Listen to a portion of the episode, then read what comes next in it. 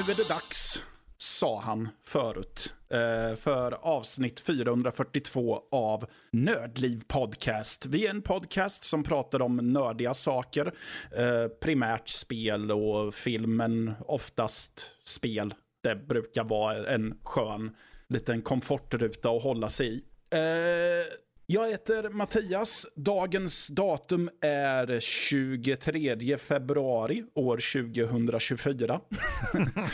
Det är så viktigt man får med året. Folk Ja, där ja. ute bara, eh, ja, det, jag duh. vet. jag Men vet inte sure. varför. Men ja. Ja, jag heter Mattias sa jag och de två jag har med mig är Danny och Fredrik. Hello. God kväll. God kväll.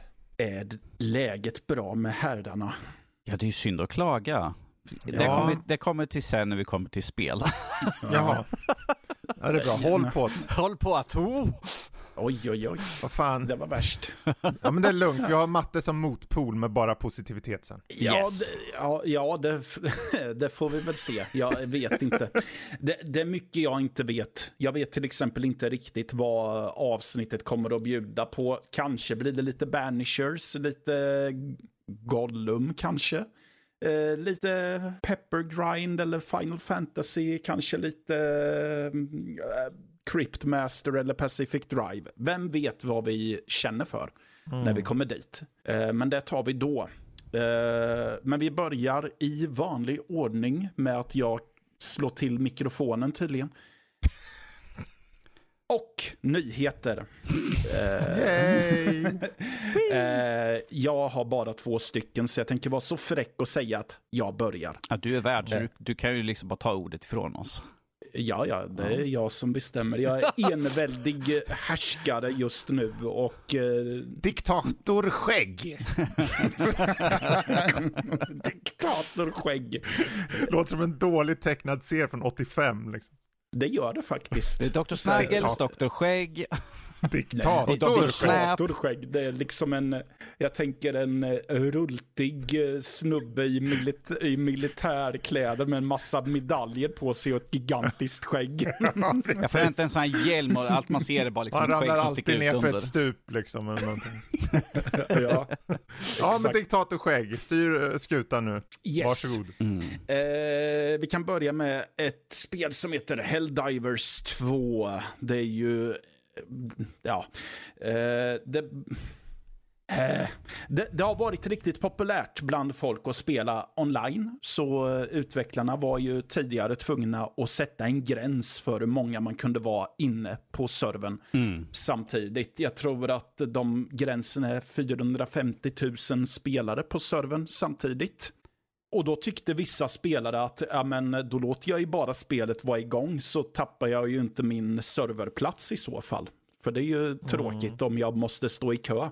Men nu är det slut med det, för i och med en patch med en massa siffror jag inte tänker upprepa. Eh, det var bara en, det var tre ettor och tre nollor. så jag nu, så jättemycket siffror var det inte. Men då har utvecklarna bestämt sig för att ja, om en spelare är inaktiv i eh, 15 minuter så sparkas de ut i, från servern till förmån för någon som tänker faktiskt spela spelet. Ja, det är väl lika bra. Jag trodde ju att det här var standard i de flesta eh, online-spel. Att eh, man eh, tappar uppkopplingen om du är idle, som det heter för länge. För så är det ju i GTA 5 också. Att om du är inaktiv för länge så får du inte vara med längre. Det är ju lite annorlunda i Helldivers i och med att du kan gå online, du går ju online bara du startar och kör själv. Mhm. Och när du, för man, man ansluter ju till spelet och sen så tar du ditt rymdskepp, sitt moderskepp och åker ut någonstans till en planet. Och sen då, det här som de refererar till är när du är så då, och sen så tar du liksom idlar spelet, det vill säga du vet som PS5, att man kan Mm. bara liksom, ja men jag tar och stänger ner, men jag stänger inte spelet, då är du fortfarande Ja. inne där. Så att Eh, och då tar du ändå upp serverplats. Ja, det gör det ju. Så att Mm. eh, även om du inte har bjudit in till någon eller hoppat in i någon spel så är du fortfarande med på servern. Liksom. Mm, Ja, ja. Mm. Så det är nog där man, man eh, stiftar på. Ja, ja, men det och det är väl en- rätt ändå tycker jag. Ja, som de ändå har en... Det- visst, det är ju ett ganska högt tak egentligen, men Ja. Eh, det är väl eh, rimligt om det nu är så många som vill Mm. spela och det är... eh, Och taket ändå inte täcker Ja. allihopa. Ja, det enda jag kan tänka mig, att det är ju, vad sa du, 15 minuter? Ja, Ja, det är väl så här om någon skulle bara, åh fan jag måste gå, jag har rännskita. Jag måste springa över. kanske inte det bästa exemplet, men du vet, ibland händer något, en kvart kanske, det hade ju varit bra kanske en 25-30 minuter. Mm. Men, eh, ja, 15 borde ju räcka egentligen. ja Hur ofta får- får, man rännskita? Ja, alltså, jag vet inte hur ofta man eh, springer och behöver sitta i fem... Eller jag vet att vissa sitter väldigt länge. Mhm. Ja, jag har känt folk som kan sitta uppåt en halvtimme där man börjar fundera på om de har somnat eller bosatt sig inne på toaletten. Det var lite tält i uh, badkaret. Exakt. De kanske bara Ja. satt en kvart men sen har benen somnat så de bara, "Ja, jag har ingen känsel kvar i benen. Ja, Det händer ju mig varje gång jag går in, oavsett hur lång tid det tar. att du bosätter dig med tält och grejer. Nej, att mina ben somnar. Ja, det har hänt mig också. Det, Jag går in och så bara, åh vad skönt att jag inte satt så länge. Och så går jag ut och så plötsligt bara märker jag hur benen nästan viker sig. Bara, Aha, jag satt för länge i alla fall. ja, så man nästan får krypa ut. Ja, ungefär så. Det tinglar och tanglar i fötterna. Usch. Precis. Yes, men det om toaletter och helldivers. Ehm, jag vet inte om vi kommer behöva besöka toaletten när väl eh, Killer Clowns from Outer Space-spelet släpps. Ehm, nu är ju inte den asymmetriska skräckgenren en... eh, ja, det, det är inte så populärt. Det är typ Dead by Daylight som folk spelar och sen så... Jag ser på Twitch typ att vissa spelar Motorsågsmassakern, men jag tror att det, in, det är ju långt ifrån lika stort. Men vem vet, eh, Killer Clowns from Outer Space kanske ändrar på det. Det är jag Ja. tveksam till, men vi får i alla fall svaret på eh, hur det kanske ligger till den 4 juni, för då släpps spelet på Jaha. PC. Playstation 5 och Xbox Series X och S. Och det går helt enkelt ut på att det är sju stycken spelare som spelar som överlevare. Som ska överleva mot tre stycken som spelar clowner.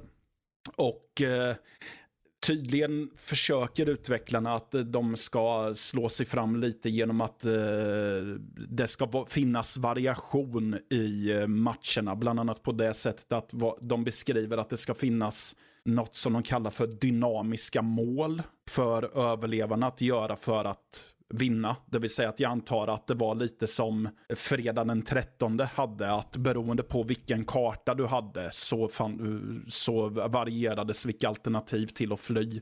Det är, väl, det är väl samma utvecklare som gör det här? Ja, det är det. Eh, För jag, för jag kollade på eh, trailern som var samtidigt som när de utannonserade här jag bara varför ser de här människorna så bekanta ut? Sen kollade jag upp, jag bara, ah okej det är samma utvecklare som gjorde fredag den 13. Ja. Jag bara, okej men det förklarar saken. Det ser ut som att de har gjort det i samma motor och använt samma karaktärsmodeller fast... Ja, Ja, ja. Så länge jag får spela som Tiny så är jag nöjd. Så. ja det kanske du får Ja, göra. om vi säger så här, jag kan ju garantera att 99% av de som testar på det har noll koll på vad Killer Clowns for Outer Space är. Jag, jag pratade med Emil om det här, att vi sa att ja, alltså, det är ju också lite märkligt att de väljer att göra ett spel på en relativt obskyr film. Ändå. De kom över IP billigt. Ja, ja, jo det är ju förmodligen Det det. Och de, jag gissar på att de är genrefilmfans, de som eh, driver spelstudion. Men det känns också lite att, okej, v- kul Ja, jag, men... men, jag menar, en konstigt. uppföljare har varit i limbo så länge ju till Killer Clowns from Outer Space. Så had, kanske var det passande ifall de faktiskt har fått tummen ur och tvåan skulle komma. Och då kunde de ha släppt det här liksom bara, "Åh, i samklang här nu med nya uppföljare så kom- kommer här nu ett spel. Vadå, du tror inte att det här är uppföljaren du har väntat på i 40 år eller vadå? Nej, tyvärr inte. Nej, okej då. Det tror inte jag heller. Men som sagt, eh, 4 juni släpps det. Så det är kul att få ett datum på det. För jag hade nästan halvt glömt bort att det spelet skulle komma. Så jag tänkte att ja, ja, det... Sist jag tänkte på det så tror jag att jag tänkte att ja, ja, det där är väl en i raden av spel som kanske inte ens kommer. Vi kanske hinner glömma bort det på heltid. Men ja, nu vet vi ju inte om det verkligen kommer då. Men de har sagt att det kommer då, så det får vi ju hoppas. De kanske bara, nej vi skiter i det förresten. Så det är ingen som vet vad det här IP't är. Skit i det. Ja, exakt. Ja, så. Nu är jag färdig med mina Mm. nyheter, så nu får eh, någon annan ta Jag kan ta och hoppa in, för jag är ganska snabb tror jag. I alla fall på den första då. Det är mest, eh, samtidigt som de hade Nintendo Directen så kom de ju ut också med datum på Elden Ring-expansionen. Ja. Eh, Shadow of the Earth Tree släpps 21 juni och ärligt talat så vart det så här, vi kollar på den direkten och så, jag visste att de skulle visa upp något Bandai. Eller vilka nu det är som håller hit. Och tänkte, ja men det blir nog där. Och mycket riktigt så var det där. Och jag tänkte, ja det där kommer nog folk flocka för. Så vi vet ju vad folk gör under sommaren, de som har Elden Ring. Mm. eh, De sitter och lust. svär en massa. Ja, eller bara njuter. Det beror på vilken typ av spelare antar jag. Mm. Men eh, 21 juni i alla fall, kort och koncist, det är lite sommarspelande. Och sen apropå spel då så är det väl egentligen, och det har väl kanske Danny också, det är ju den här Nintendo Directen då. Mm. Eh, som egentligen då, den fokuserar ju på eh, tredje part, helt enkelt. Eh, och nog var det, det, jag ska ge dem i alla fall att de åtminstone hade mycket datum. Det var Ja, det det. hade de. Det var väl det som var mest positivt. Ja, och det kom ut också om, angående liksom demos och grejer och så, och det gillar jag. Eh, för man, det, det man oftast, det som är bra då i och med att det är tredje part är oftast att det är multiplattform. Och mycket riktigt så kom det många av de här spelen demos på typ, ja, Steam och liknande. Så att jag har till och med hunnit kört ett av de eh, demorna. Men Ja, eh, mm om vi börjar då och kollar lite snabbt på, i alla fall, jag, jag kan säga de som stod ut för mig personligen, så får ni fylla upp lite om det är något som, uh, som ni känner saknas.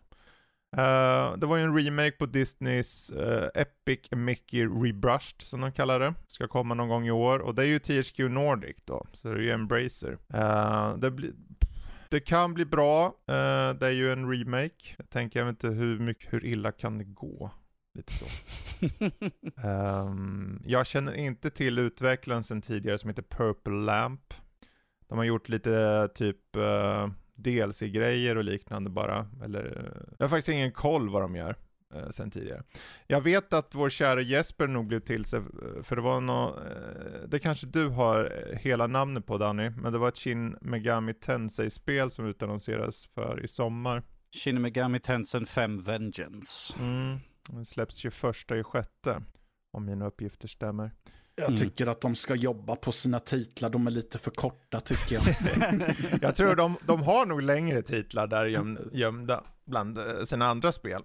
Ehm, sen så var det ju också, det var ju någon uppföljare, det hette Ender Magnolia. Jag är inte så Mm. bekant med eh, första, men det här Ender Magnolia Bloom in the Mist i alla fall ser ut att vara, eh, jag, jag, läste lite på Twitter, det var ganska, det var betydligt mer eftersökt än vad jag någonsin hade trott. Mm. Eh, och det såg ut att vara något åt limbo möter eh, eh, japansk stil eh, med mycket narrativ och lite spöklik eh, design, art style.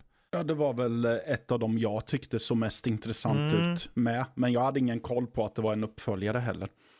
Nej, Mm. eh, jag tror den första hette Ender Lilies. Eh, Ja, men det, det har jag ju hört talats om, men inte spelat. nej, det ska i alla fall komma någon gång nu 2024.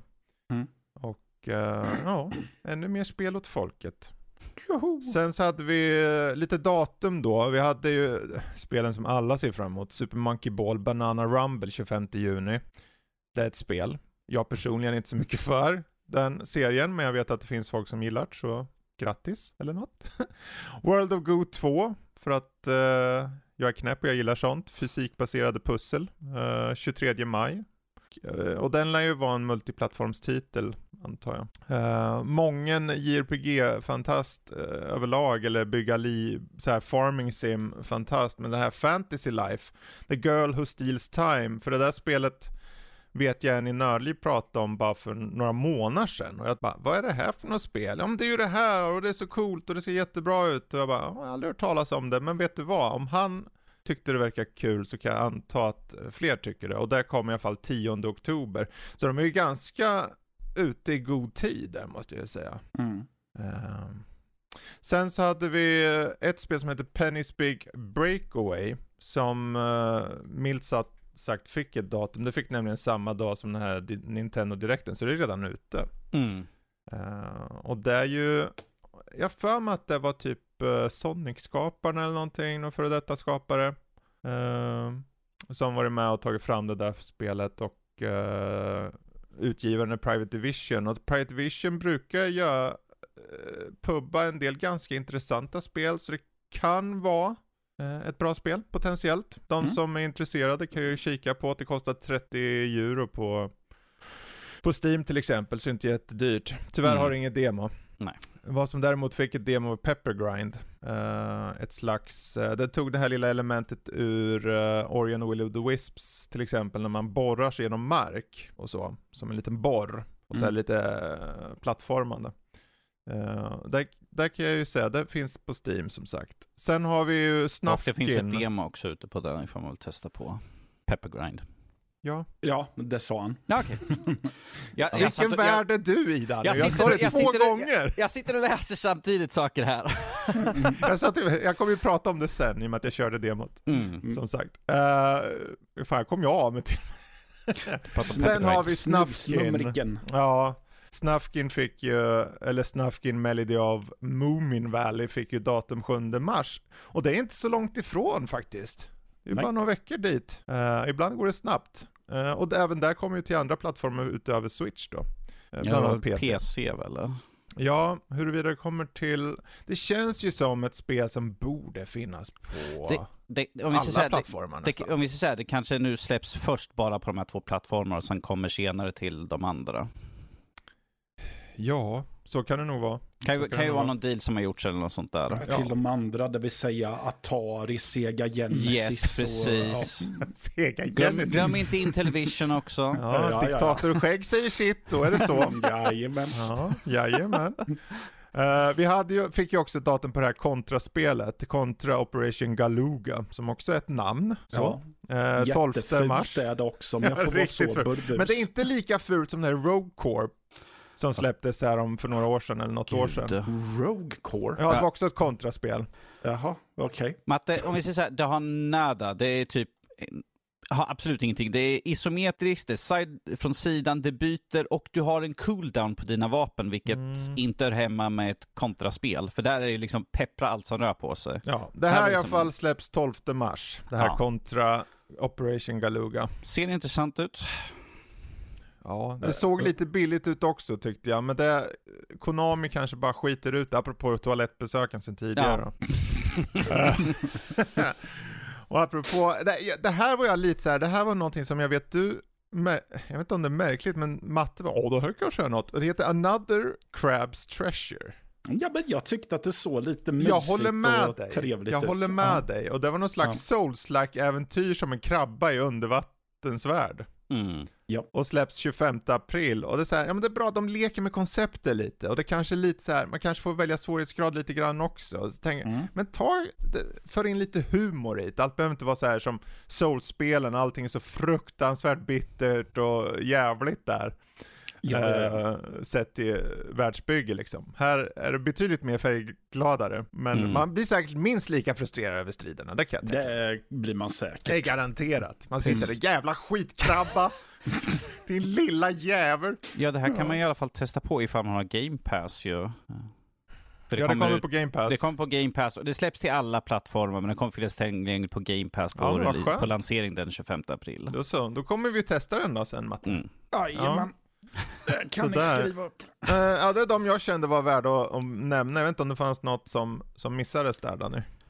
Uh, hmm. Alltså, Eller det här värt är bara, att ta upp. Det här är bara coolt för att det, det är den serien. Men det Star Wars Battlefront Mm. Classic Collection tyckte jag i alla fall coolt att det släpptes till Switch här nu i alla fall. Det är, liksom, det är i alla fall svårt att inte tycka att det är kul att köra Battlefront. Speciellt när de klassikerna i alla fall, så där, nya vet jag inte. Sen var det jag väl- vet inte, men kommer det hålla är frågan? För det såg ut som någon hade bara smörjt sitt krås och tänkte, nu ska vi kränga skit på, på switchen här, för det såg ju horribelt ut verkligen. Ja, men det är ju det är lite grann att förvänta. eh, Jag tänkte för de hade ju dragit ner till och med från hur det såg originalet, för Mm. att det inte orkade.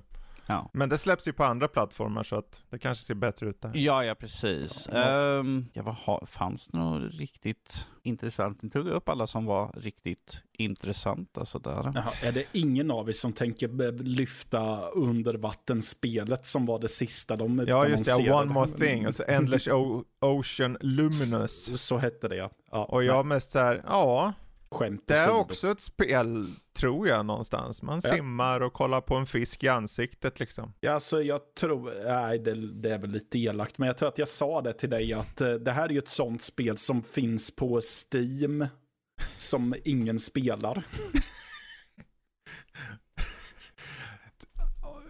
Är det nu jag säger att det, många av de här spelen där? Ja, ja jo, det, Nej, så alltså är det. det, Mm det var ju tredje part och någonstans är, eh, jag förväntade mig inte, jag vet ju att det finns de som, av vissa av de här spelen så var det ju ganska hype. Shin Megami Tensei-spelet var ganska hype. Eh, Epic Mickey var relativt hype. Uh, och sen är det en personlig fråga, vad, vad är det jag tycker är mest intressant? Någon säger kanske som Danny, så här Battlefront Classic Collection, eller någon säger som mig, typ så här uh, Pe- Pepper Grind eller, uh, eller så. Men att det kanske fanns något för alla i alla fall. Det ska jag väl ge dem. Ja, förvisso. Ja. Man får väl se det positiva kanske. Mm. Precis. Och mycket Ja. datum. Och det är ju inte fel med tanke på att det är multiplattform i regel. Så att, eh, ja. Men det är väl, eh, ja det var jag har. Ja, det var allt. Då är det dags för Mr. Danny. Okej, över till mig. Mm. Precis. Mm. Eh, vi pratar ju här nu om, vi har ju pratat om den här Activision Blizzard och det här som var förra veckan med att eh, Xbox eh, hade sitt lilla möte där och folk undrar hur det kommer det bli med spelsläppen? För att vi kom, vi kom ju upp med FTC, yada yada yada och de vill avbryta affären. Men att det har inte stoppat eh, dem från att säga, för att vi, visst, vi fick ju också utan att säga att Diablo 4 kommer nu den 28 mars. Men att de har nu också kommit ut med att spel från Activision Blizzard, allt, de har sagt att deras mål är att släppa allting dag ett för att liksom försäkra sig till oss spelare, liksom, oss konsumenter, att vi kommer få tillgång till alla spel oberoende vad som händer just nu vid sidan av. Men att deras mål är att få ut allting dag ett, oberoende på. Vilket jag Även tycker- kod. är, det är fortfarande det som folk inte riktigt har Men fått. sa de alla Activisions Blizzard-spel? Uh, our intent is the full portfolio of games from Zenimax, Activision Blizzard and Xbox Game Studio will be on Game Pass day one. Men det står här att det är tydligen att det är någonting de måste hålla, arbeta med spel för att få det på day one på Game Pass. Um, Mm. det står så här, eh, Spen- det här är då Phil Spencer som var ute och pratade om det här. Eh, eh, doing the back-end work to make them come out on PC and console simultaneously. Att det är något problem att de måste fixa till för att det ska kunna komma ut samtidigt på båda. Men jag tror att de får ut det. Jag menar, har väl inte hindrat förr att få ut spel. Så. Jag hänger inte med. Vad är problemet med att få ut båda? De släpper ju multiplattform hela tiden. Jag vet, det, det är det jag inte vet, men det är det som är oklart. Att de, men att de tydligen måste de arbeta på för att få ut det dag ett på både PC och konsol samtidigt. Jag har inte heller, för att det är det som är oklart. Okej, det är inte en teknisk fråga, det är en kontraktuell. Det Där- kan mycket möjligt det är, vara Alltså det. tekniskt är ju inget problem. De, de släpper ju hela tiden Ja, konstant. precis. Så att det där är ju någonting i kontraktsväg som de måste Mm. lösa att de inte får eller någonting. Ja. Eller potentiellt inte får. Precis, men det här är i alla fall för spel som komma skall. Sen får vi se, som vi pratade om förra veckan, hur det blir med hur de sakta men säkert kommer liksom pumpa ut de spelen som redan finns i katalogen Ja. så att säga. Det är ju inte att de helt plötsligt, nu finns alla Activision Blizzard-spel på Game Pass. Det är inte liksom hundratals spel helt plötsligt dyker Nej, och upp. det, det kommer de inte vilja göra, vilja Nej. göra heller. Men Men vi pratade ju Det om det här förra veckan ju. ja, det här är ju, om, om det stämmer det här, så är det ju en super, superstor grej. För om du kan få Day One, det är ju det vi pratade om förra veckan. Ja, och det här är Phil Spencer som pratar om det här alltså. Ja. Så det är direkt från hans mun. Så Ja, jag skulle vilja lusläsa det citatet, för det där, han, eh, man måste nog läsa, läsa lite mellan raderna tror jag. På sånt där. Ehm, för det är ju så här, om man, om man sa det nu, så då får han ju stå till svars om det inte kommer day one. Notera här, han säger our intent, alltså Mm. våra förhoppningar är att få ut allting på dag ett, liksom från alla Ja. våra grejer.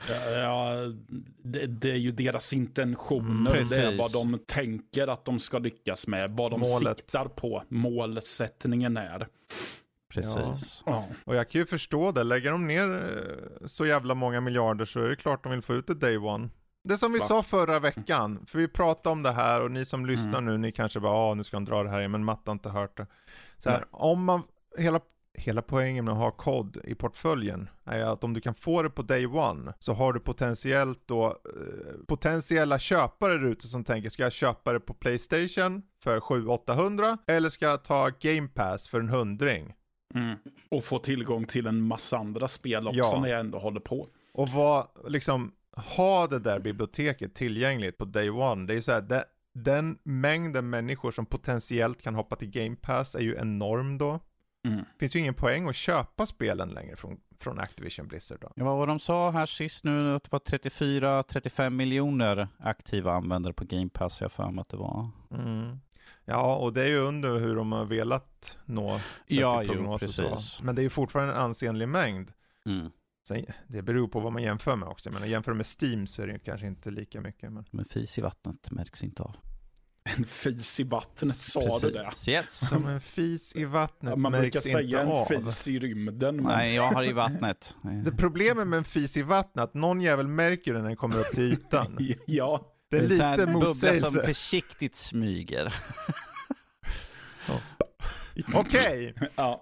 Hade du fler nyheter eller? Yes, innan yes, vi... yes. Det här, Ja. det här, här är en nyhet jag såg som jag tyckte var intressant bara för jag äger skiten och jag hoppas på att snart kunna få använda den till mer grejer. Playstation VR 2, eh, de kom ut med lite spel. Det är inte det som är intressant det här, men att de rapporterar att de försöker få att du ska kunna använda den på PC.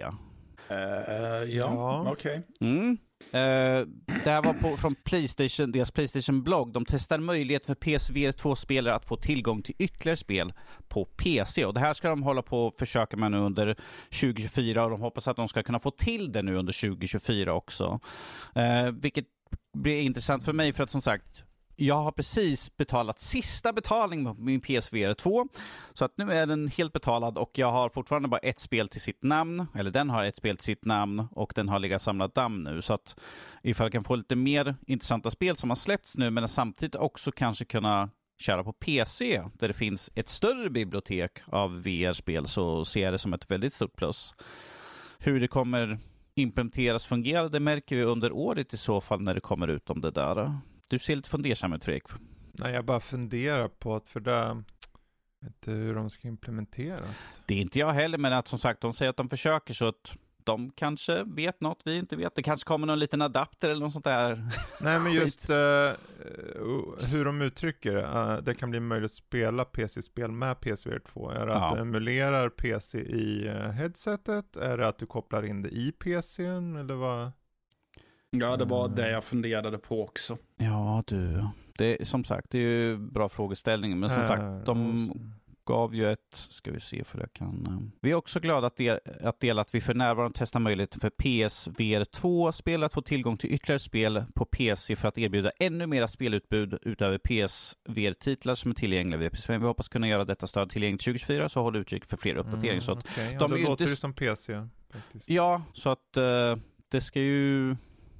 Ska bli intressant att se hur de gör, men att ifall de inte släpper spelen som Det där är ju lite, det där tycker jag ger lite dålig smak i mun av det enkla skälet att okej, det är som att de vet om att vi har ingenting på vår plattform. Vi måste bredda oss. Hur gör vi det? Vi har ju börjat släppa saker på PC också. Det verkar ju finnas en enorm publik där på ett par miljoner. Ja. 100 miljoner, 150 miljoner. Varför inte släppa så man kan koppla in den där? Och det är väl, är inte den där typ USB-C-koppling eller någonting på den? Någon Eh, USB-kontakt i alla fall. ja, det är USB. Så jag tänker, det är en fråga om firmware bara. Att du får den att kunna hittas i Steam. Och kan du, för idag kan du köra med PS5-kontrollen utan problem. Precis. Så att, att möjliggöra den, för jag kan tänka den har ändå den finmotoriken, att den känner av fingrar, har den inte det? Yes. yes. Alltså målet är ju Half-Life Alex, det är ju det enda spelet de behöver få. Ja, det, är- alltså, när jag har sett på den här nyheten och kollat upp några olika, och alla nämner ju typ Half-Life Alex Ja. på direkten.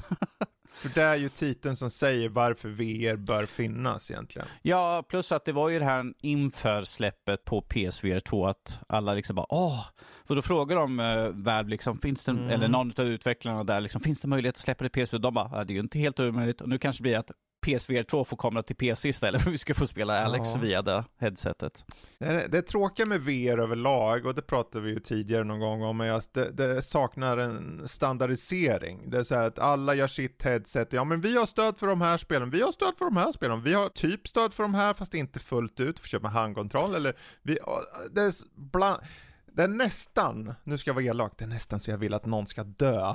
Så att man kan få kvar någon som är, ja vi är bäst och störst och vackrast. Nu blir vi standard. Så grattis, alla spel kommer till den här och allting är här, bla bla bla. Ja, och det är ju inte bara det där att de har stöd, för en del har liksom så att de blockerar att du inte ska kunna spela andras, andra uh, VR-headsets spel, så att det är inbyggt Precis. liksom att de har block blockerar i med att Ja, det finns walk, eller för eh, så den man kan gå runt. Eller för den delen exklusivitet i den mån att ja men det finns till det här headset och sen sitter man som PC-spelare, men jag har ju PC och har nästan ett sånt headset. Nej nej, det måste vara exakt det headsetet oavsett om du har på en PC eller inte. MetaQuest och Assassin's Creed VR. Mm. Ja, Mm. ja.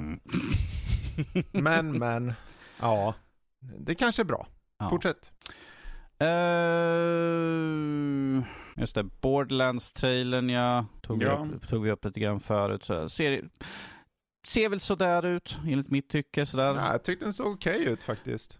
Eh, Jag fick, lite- väldigt Ja. mycket, jag fick väldigt mycket Guardians of the Galaxy Ja, säger ju av alla. hur, hur Precis. eh, trailern var redigerad. Ja, ja men Det jag kändes- lyssnar inte på vad alla säger Fredrik. Men det är bra, för då har du honat in på vad folket tycker. In Mm. your mind man. You're Mm. in, in, uh, du det, i våglängd med folk. Ja, tydligen. Jag Ja. vet precis.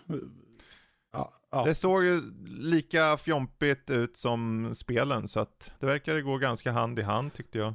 Ja, och vi har ju liksom Jamie Lee Curtis, vi har eh, Kevin Hart och vi har ju som sagt eh, Jack Black också som Claptrap. Så det är en blandning Ja, på... Kate Blanchett. ju- Okej, Ja. Blanchett också ju precis som Lilith där ju. Det, ja, om vi säger så här, kommer ju säkert, säkerligen se den när den kommer sådär. Uh, Borderlands, kan jag ha Ja, förhoppning att det är någorlunda roande i alla Det fall. känns som en streamingfilm, tycker jag. Ja, jo. Det är ju inte en biofilm, skulle jag inte säga. Jag för- jag förväntar mig att Kevin Hart kommer springa omkring och skrika en massa bara sådär för att han är rädd eller något sånt där. Det är så, alltså alla hans karaktärer nästan Mm. så att springer omkring och skriker. Ja, det, är mest, det är en intressant cast de har där. Eh, för en ganska annorlunda ihopsatt. Det är det som jag gör mig mest Ja. nyfiken. Det var det jag reagerade på också. Ja, jag såg ju till och med Eh, Bobby Lee eh, skymta förbi. Mm. Eh, Så att, eh, ja. Yes. Um, ska vi se. Ja, Just det, precis. Det här var ju också, vi pratade om det här förra veckan, nu, nu är det bekräftat också att eh, Thieves är det sista av de fyra spelen som skulle släppa, från Xbox som skulle släppas till andra plattformar. Eh, Yes. den, Jag har, eh, jag har två kompisar som är eld och lågor över att kunna spela Sea of Thieves tillsammans. Okej.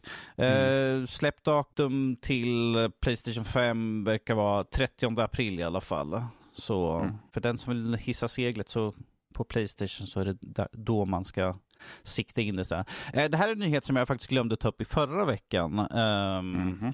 och det är ett nytt Star Wars-spel ut från Respawn Entertainment. Eh, jag nämnde ju det här till dig Fredrik, att jag hade sett det här, men att jag glömde helt bort det i förra veckans podd. Sådär. Eh, det här är ett nytt första, första persons Star Wars-spel där man ska spela som en Mandalorian, inte The Mandalorian från tv-serien, utan en Mandalorian som ska resa runt till olika planeter och utforska och skjuta saker och ting. Sådär. I, det utvecklas i Unreal Engine 5, så jag hoppas att det kommer se riktigt snyggt. Och det ska tydligen vara inspirerat av Dark Force-serierna. Eh, Vilket jag tycker om. Alltså Dark Forces 2, eller Dark Forces och Jedi Knight Dark Forces Mm. 2 är tydligen inspirationen för spelet, vilket jag tycker är Det är intressant. första person. första person, yes. första person. Ja. Ja. Respawn bakom kulisserna. Titanfall ba- eh, skaparna bland annat och Apex och allt vad det heter. Och Jedi Survivor då såklart. Eh, det där båda gott. Jag har eh, jag har, mitt förtroende för Respawn har växt ganska ordentligt de senaste åren. Kanske inte på ett tekniskt plan för spelen de har släppt har varit väldigt buggiga. Mm. Jedi Survivor, vi tittar på dig. Så att, men överlag så har det varit väldigt bra spel å andra sidan. Så att, eh, spännande. Det Mm. bådar gott med andra ord. Det borde gått. Båda gott. Ja, det kan hade intressant. Hade du mer nyheter eller? Eh, det är de nyheter jag har med mig. Jaha. Jag har något som, att det något som ligger gnager i bakhuvudet, liksom att jag, någon nyhet jag har missat totalt, men att det poppar inte fram vad det kan ha missat för någonting. Det är, skit. det är som förra veckan, jag hade det här i bakhuvudet och glömde helt bort det, så nästa vecka kommer det komma med, ja men nu här, det här är nytt jag glömde förra veckan. Ja, nej men vi kan ju inte Ja, sitta nästa här vecka och är ju vänta Hall of Fame. Så. Ja, just det. Ja, så då får du vänta i två veckor. Ah, darn it. Ja. Pilutta dig. Då hinner du tänka ut vad det var. Mhm. Eller glömma helt. Ja, nej, vi tänker inte sitta och vänta på att du ska värpa fram det, utan eh, vi ska... ja. utan vi ska prata om vad vi har spelat, tittat på eller eh, vad vi nu har gjort under veckan. Eh, Mm. Och jag tänker, vi var inne på spelet lite förut, så eh, Fredrik, du har testat Pepper Grinder? Pepper Grind? Pepper Grind. Heter det Pepper Grind eller Pepper Grinder? Heter det inte Pepper Grind? Ja, det kanske det gör. Ja, äh, skitsamma, du har testat demon i Eller alla det fall. heter nog Pepper Grinder nu när du säger faktiskt. Ja, ja, Pepparkvarn. Ja. Ja, så du har, test, du, du har testat demon Mm. på pepparkvarnen. Ja. Det har jag. Hur gick det att mala peppar i spelet? Det gav eh, mer smak kan jag säga. Okej. Eh, Det är, me- alltså det är, man spelar som en liten flicka som bara, eh, det är någon eh, så här båt som kraschar och hon sköljs upp på land. Eh, och eh, väl på land så kommer ett par märkliga varelser och någon annan liten tjej och liksom tar en grej som hon har haft med sig och springer iväg. Och det är lite Vilken mystiskt. lymmel. Ja, lite mystiskt. Och det första hon gör är bara, hon springer ikapp dem där, men de, det är lite Indiana Jones, de står på andra sidan en bro. Hon går ju ut på den där bron, och hon säger ah, ah, och så hugger de till så att bron rasar. Och hon hinner, hon hinner ta med sig en grej på vägen ner, såklart en sån här, en borr typ. Mm. Och där börjar äventyret. Det går ganska snabbt, det här är typ två minuter och så är det rakt in i gameplay. Så att vad det egentligen är ett slags plattformsspel med eh, ett borrläge där du i olika sandmiljöer som dyker upp eh, här och var ska borra dig igenom olika pussel och eh, ta dig an fiender. Eh, då oftast genom att borra skiten ur dem. Och så finns det såklart hemligheter på banorna och så, och det har en slags retroartad pixelerad look som är väldigt animerad eh, och mjuk och följsam. Eh, och det har den här, det är lite Metroidvania-aspekt fast plattformare, lite klassiskt så. Eh, och av de intrycken jag fått hittills så är det ganska lovande. Frågan är mest såhär, okej men håller, håller konceptet hela vägen? Blir det eh, för mycket av det goda? Mm. Jag tänker som i Ori and the Will of the Wisp så var det jättekul när de elementen fanns då och då, men det var inte Mm. hela spelet. Huruvida det håller hela spelet igenom, det vet jag inte, men det lär vi märka den 28 mars när det släpps. Mm. Men eh, lovande. Mm. Och eh, jag menar, sitter man på Steam och tänker, ja men jag vill testa på något, det är Mm. bara ger en kvart, halvtimme, timma och så vet du. Mm. Så att- Ja, Pepper Grinder. Demo. yes. Det låter kul. Mm. Kul att det bådar gott. Men jag undrar, Danny, Ja. hur många minuter behöver man testa av Lord of the Rings Gollum innan man känner att huruvida man vill fortsätta eller inte? Jag tror bara starta upp spelet säger det mesta så att säga. Oj Är det, är det så pass till? Eh, nästin, Okej. Nästintill. Uh, för ett spel som släpps till current gen så känns det inte att det är till current gen. Eh, man, man sitter liksom på laddningssekvensen man bara, borde det inte vara klar att ladda nu? Så där det, varför, varför sitter jag fortfarande på en laddningssekvens? Vilket är ovanligt att sitta vid nu för tiden man sitter med ett spel. Uh, nej, det roliga är att det här är ju inte ett spel jag har köpt in. Utan det här är ett spel som jag upptäckte ståendes i en av mina hyllor här hemma. Mina två trillingbröder hade varit här. jag, gick bara omkring i lägenheten, lallade runt och fixade lite grann och sådär. Så liksom såg jag något i ögonvrån, liksom så här, backade tillbaka, tittade upp i hyllan, såg ett spel där. Fortsatte, gick bara, det är inte mitt spel, jag äger inte det där spelet. Lords Ring Gollum, jag bara, jag har nämnt att jag är intresserad av att testa på skiten så här, bara för att se hur dåligt det är och sen är det det är Sagan om ringen och det är svårt för mig att inte liksom vilja testa på någonting där och så. Jag bara skickar en bild, jag bara jag hittar det här i min lägenhet, är det möjligtvis ni? De bara, kanske. Jag bara, mhm. Nej, det var grannen som kom in. Grannen, ja. jag, jag skulle bli, ja jo. Bröt sig in med kofot Grannen ovanför liksom grann ovanför som agenten. Nu ska vi ställa ett spel hos honom. Jag vet att han tycker om spel. Han sitter och pratar bara spel på balkongen. Bröt sig in med en kofot. Jag tror Läm jag... Lämnade spelet, lagade dörren och gick tillbaka. så illa är det när någon vill bli av med spel. Djupt, att de bryter, djupt bryter imponerad ifall, så, ifall det var, så var fallet. Så att säga. Ja. Nej, alltså. Gollum är ju ett ett äventyrsspel med inslag av stealth, stealth och action. Uh, ut, utforska lite grann. I grund och botten, du kryper omkring som Gollum på alla fyra, liksom hela spelet igenom. Uh, eller hela spelet. Jag, jag, har, jag har spelat tre kapitel och det har varit majoriteten av tiden har varit på kapitel två. För att det är effing bonkers, uh, eller mm -hmm. tras, så, trasigt. Jag tänker att vi inte ska använda vår explicit uh, grej allt för mycket. Nej, uh, det, spelet tar tid att köra för att mycket är trial and error på att tusan du ska klättra ehm, och hur mycket spelet fuckar ur och inte vill fungera. Eh, under spelets gång så kommer du få ett val där du antingen ska svara som Gollum eller som Smigol och ska man försöka övertyga den andra eh, personligheten, liksom vad, vad man ska göra. Eh, det första är att det, det, är en insekt som man ska välja på att antingen ta ta död på den eller låta den vara för att den är fin. Uh, mm. I kapitel två så var det ett val, jag skulle, då jag hade ett val att ta en, eh, en grej från en snubbe och jag valde att inte göra det. När jag dör får jag upp det valet, även fast jag i nästa kapitel så får jag upp det valet när jag typ laddar om uh, senaste savepointen, vilket är hemskt irriterande. Så jag måste liksom trycka över Ja, menar, du att du får, menar du att du får upp den scenen igen? Ja, nej, jag får upp den prompten, liksom, gör de här valen. Och liksom så här, lämna den. Så den prompten är på skärmen liksom, medan jag hör saker i bakgrunden. Och det finns Uh, det här nämnde jag till förut bara för att, så ni skulle få höra hur dåligt det var. Det finns ett tillfälle i kapitel 2 där man ska hoppa från en plattform till uh, en pinne som sticker ut ur väggen, så man ska hoppa till den, svinga sig vidare. Jag dog där för att jag visste inte att man skulle fortsätta hålla in hoppknappen för att han skulle, för att han skulle svinga sig vidare. Så när jag mm. försökte liksom trycka på hopp, då släppte han bara och trillade ner i lava. Och jag fick en achievement för Not Yet, eller vad det hette för någonting.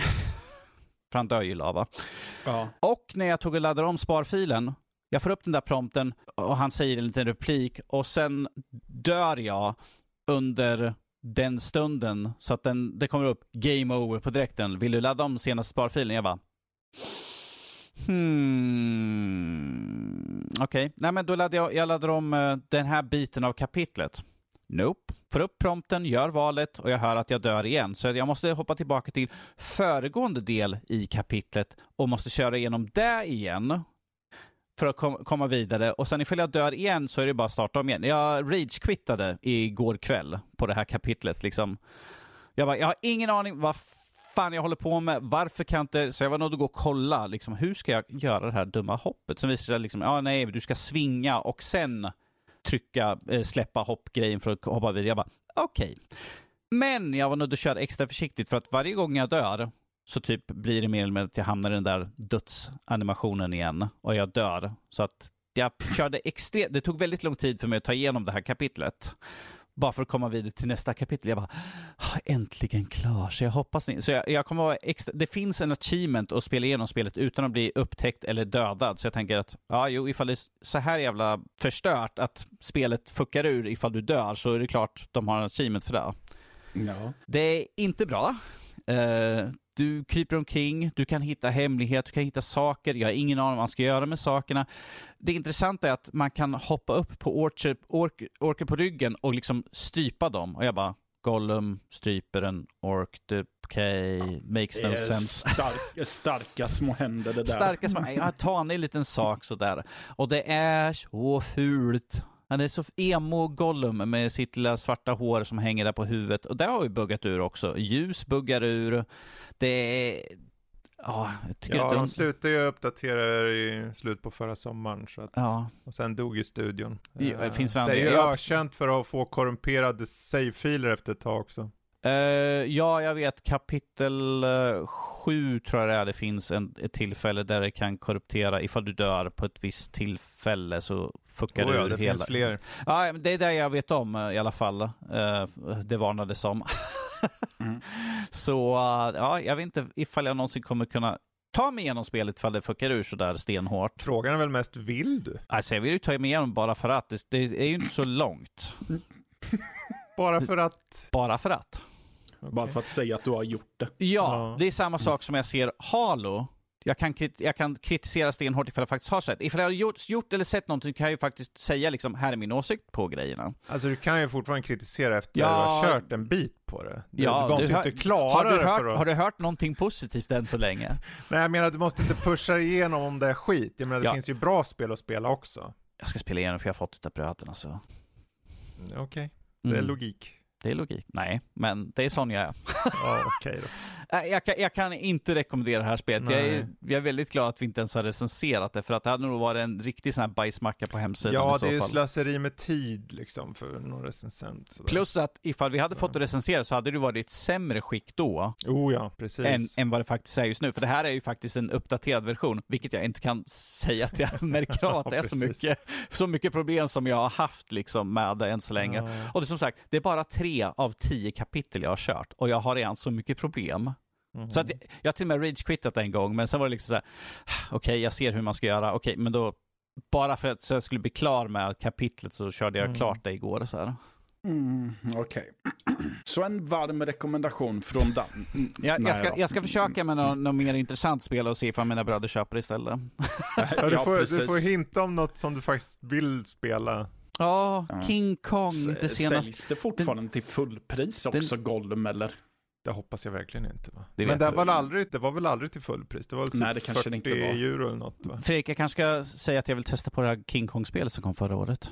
Oh. Ja, gör det. Du gillar ju skit verkar Alltså, ja, de, de två är ju räknas... Har du inte typ Assassin's Creed liggande som du inte kört klart eller något? Eller? Det, är, det är ju bara DLCn jag inte har kört klart på den. Ja, men då är du inte klar. Ragnarök eh, som jag inte kört klart den. Ja. Och plus att det är ju på Game Pass, så jag behöver ju inte liksom slänga i skivan varje gång jag ska köra heller ju, så Valhalla. nej. Nej. Ja. Eh, jag tar över då. Ta jag, över? Ja, jag kände att vi var färdiga med Du som diktator här, Gollum. inte vi. Ja. ja Ja, okej, okay. jag bestämmer att vi är färdiga. Och så bestämmer jag att jag ska prata om spöken. Eh, för jag har nyligen spelat igenom Banishers, Ghosts of New Eden.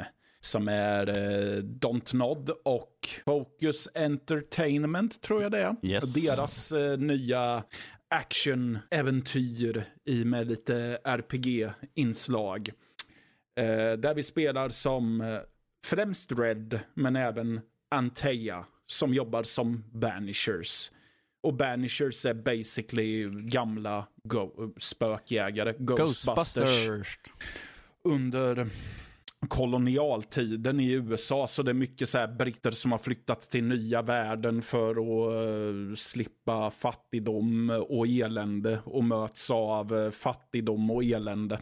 och, uh, en, och till råga på allt nu också en förbannelse som har lagt sig över områden staten och staden som heter New Eden. Då kommer Antea och Red dit och ska fixa det här, för det är vad de gör. Men eh, spöket visar sig vara så övermäktigt att Antea dör. V vad är de ja. för varandra kan du ju nämna. Ja, det kan vi ju nämna. De är älskare. också. De är ett älskande par. Jag tänker som de Ja, bara säger, vi jobbar ja, också jag- dör en av det. Jag vet ja, inte om den andra bryr sig så mycket. eh. Nej, jag glömmer alltid bort att nämna den eh, lilla detaljen. Att de eh, också är ett par. Ja, det är de. De, Den lilla eh, detaljen. De, är, lä- de är till och med, vad heter det, lärling och arbetsledare. Samt eh, älskare. Alltså Antia Det lär här upp- låter som också en farlig kombo. Lärling Ja. och arbetsledare. Eh, Ja, precis. Nej, men uh, Antea utbildar Red till en full-blown banisher egentligen. Och Alltså dess, det- dessa lärarinnor och liksom hålla på och kuckelura med sina elever, jag vet inte riktigt. Jajamän. Typiskt amerikanskt måste jag säga. Ja. Nej, men Red eh, kastas ner i havet, men han överlever. eh, och eh, behöver inte vara ensam för att eh, Antea kommer tillbaka som ett spöke. Och så bestämmer de sig att de ska ta sig tillbaka till eh, stan där bataljen bröt ut och så ska de eh, upp, eh, ta bort förbannelsen och eh, helst få tillbaka hennes kropp. För den är kvar i eh, huset de slogs i. Och eh, liten, liten, liten spoiler är det väl. Men eh, eh, du behöver göra ett val väldigt tidigt i spelet och det är vad, vad du ämnar att göra med Anteas kropp när du kommer tillbaka dit. Ska du eh, låta henne, vad är det Danny?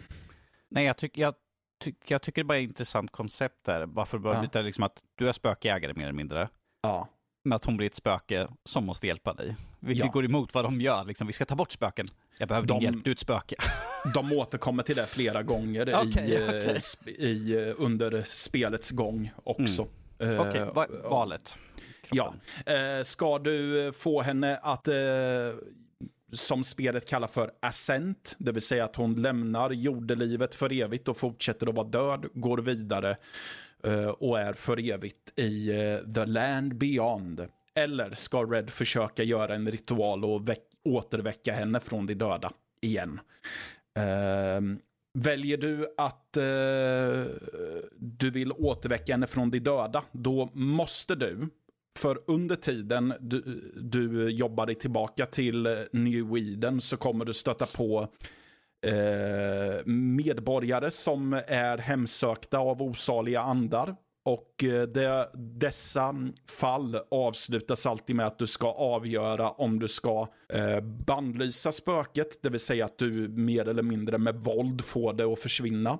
Eh, assent som är att du vänligen ber spöket att lämna frivilligt och få frid. Eller så beskyller du eh, människan som är kopplad till spöket och offrar dens liv istället för eh, ehm, eh, spökets. Eh, och ska du då återväcka Antea så måste du, majoriteten av eh, de här fallen måste du lösa genom att offra människan. Det vill säga Red måste mörda människor för att eh, återväcka Antea i så fall. Det, det låter som Eh. att han måste mer eller mindre offra resten av världen för hennes skull i så fall. Lite ja, grann så här. Nästan lite så. Det är lite det han påpekade också. Och han har ju en bakgrund som soldat i ett krig och har lite vad man idag skulle kalla för PTSD och är väl inte så jätteförtjust i att eh, kanske få ännu mer blod på händerna i så fall. Ja, eh, ett varningens ord vid det här tillfället att när ni väl har avlagt ett löfte eh, se till att hålla det löftet fullt ut. Annars får ni, eh, för det finns fem olika slut i spelet och jag Fem? fick, ja.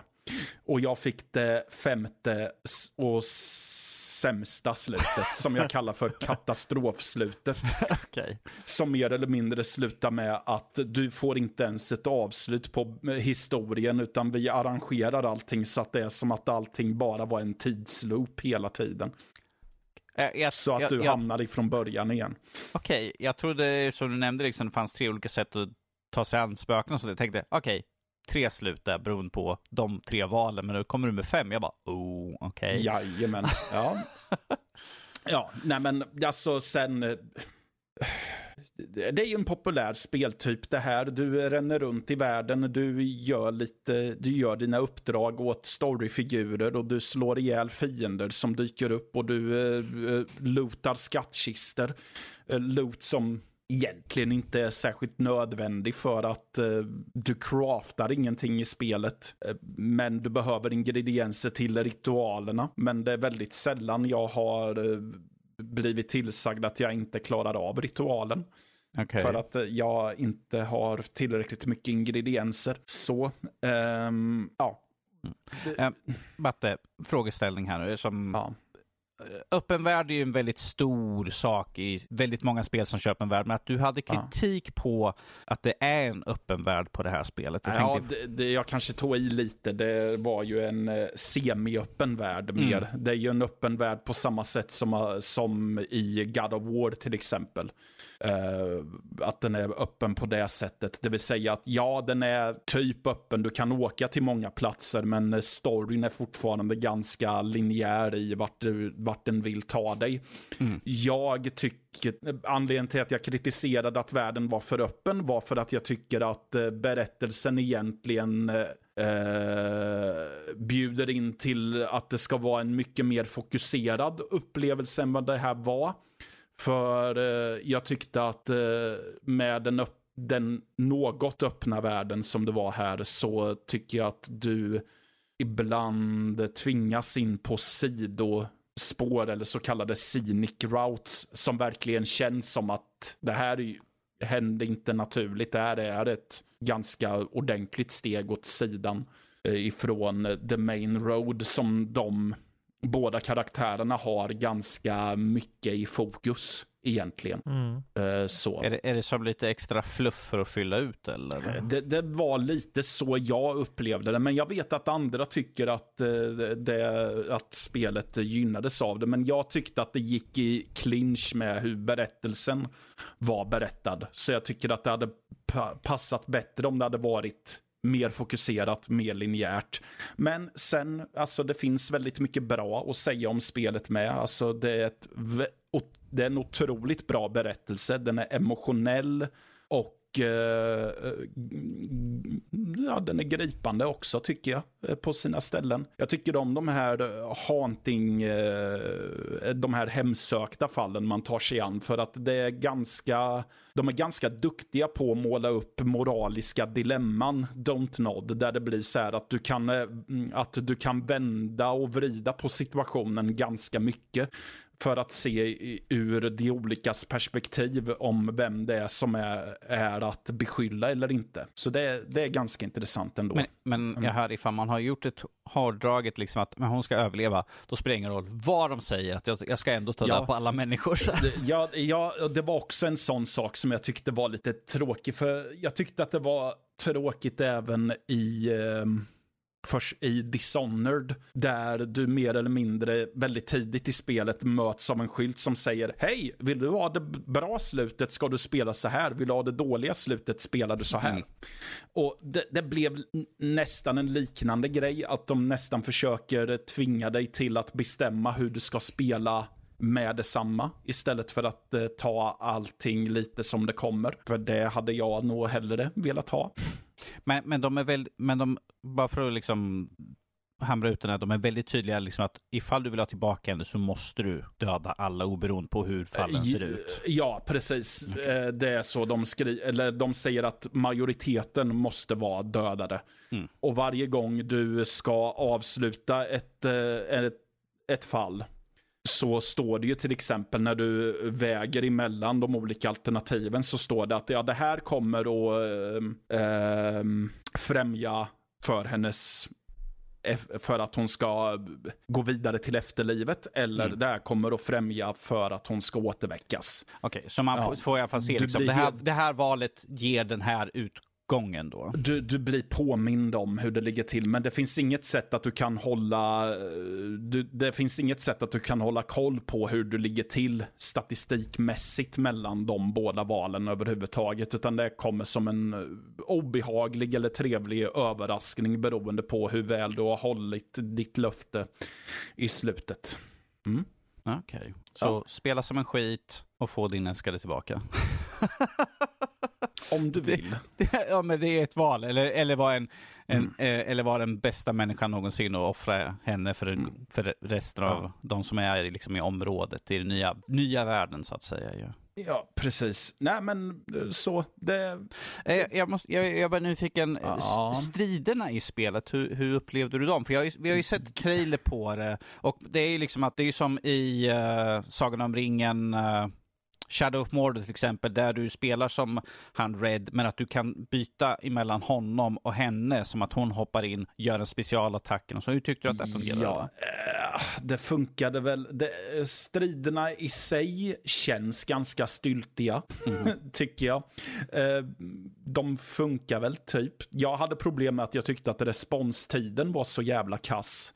Att det tog ett tag för spelet att fatta att jag vill, framförallt när jag ville byta emellan karaktärerna. För vissa specialattacker du kan göra går ut på att du byter snabbt emellan Red och Antea. Eh, och det var flera tillfällen som spelet inte fattade att jag hade tryckt på byta-knappen snabbt. Eh, liksom. Mm. Eh, Så det, det var många sådana prompt som jag misslyckades med. Och sen, jag vet inte, när jag springer runt och det helt plötsligt dyker upp fiender som jag inte ens får eh, möjligheten att fly ifrån, utan jag måste slåss mot dem när de väl har, eh, när jag ja, när de väl har upptäckt att jag är där och eh, så drar karaktären jag spelar som sina vapen och så vet jag att okej, nu måste jag slåss. Jag får inte springa iväg, vilket Men, jag vänta. testade ibland. Så när ett, mon, ett spöke inte upptäcktes så måste du strida det? Det är inte Ja. att du liksom kan springa ifrån striden? Nej, Aha, okej. det går inte. Ja, det visste jag inte. Nej, eh, du måste. Och det är ju inte... Och det, är, det är fiender som kallas för specters. Det är typ några spöken som inte har besuttit någonting än. Men de kan besätta kroppar också. Och när de är besatta, och när kropparna är besatta av ett spöke så gör eh, Antea bättre skada på dem. Eh, när du utforskar måste du byta emellan karaktärerna också för Antea ser vissa saker som inte Red kan se. För vissa saker är gömda med ett andligt täcke över sig typ som bara Antea ser att det finns där och så kan hon eh, ta bort det så blir det synligt för alla dödliga Mm. i så fall. Ja. Okej. Mm. Ja, jo. Jag, jag är bara lite nyfiken, för det här är ett spel som jag varit intresserad av själv sådär, sen det visades upp ju sådär. Ja, eh, alltså det, det, det är inget fel på spelet alls egentligen. Det var bara att jag hade ganska mycket problem som jag hade svårt att inte blunda för. Eh, så, men det, som sagt, berättandet är väl den största anledningen till att jag tycker att man ska eh, spela spelet egentligen. Och det är spelvärt tycker jag ändå i slutändan. Så det är inte dåligt. Tyckte du att ett svårt spel? Ehm, Om vi, om vi, om vi, för, om vi bortser liksom problem med input och sådana Mm. saker, liksom, rent, rent generellt, är det ett svårt spel att ta sig igenom eller är det liksom okej svårighetsgrad på det? Det är en okej svårighetsgrad. Jag körde i det längsta på eh, normal svårighetsgrad och hade inga direkta problem att ta mig an. Och det är även lite kämpigt när man ställer ner till easy på sina ställen. Alltså inte superkämpigt, men eh, det, du, du får jobba lite för det. Men det är inte, det- vi pratar inte souls-spel. Även Mm. om striderna kontrollmässigt och så och hur de för sig påminner lite om Souls-liknande spel så är det inte Souls svårighetsgrad på det om man Mm. säger så.